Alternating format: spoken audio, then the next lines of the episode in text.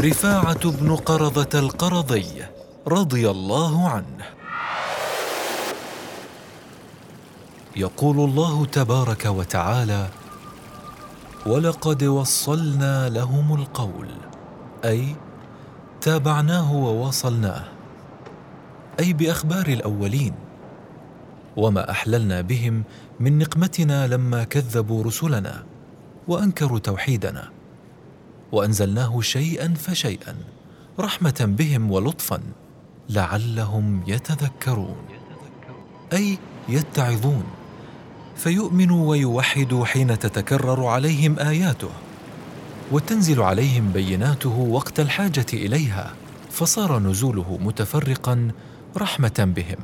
فلم اعترضوا على ما هو من مصالحهم؟ نزلت هذه الآية. نزلت هذه الآية في رفاعة بن قرظة القرضي رضي الله عنه حيث قال نزلت هذه الآية في عشرة أنا أحدهم.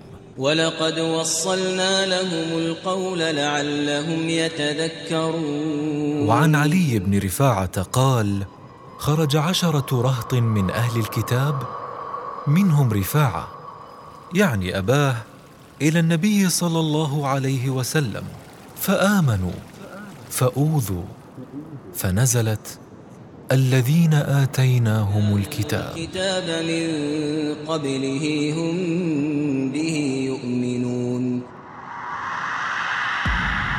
أعلام نزل فيهم قرآن.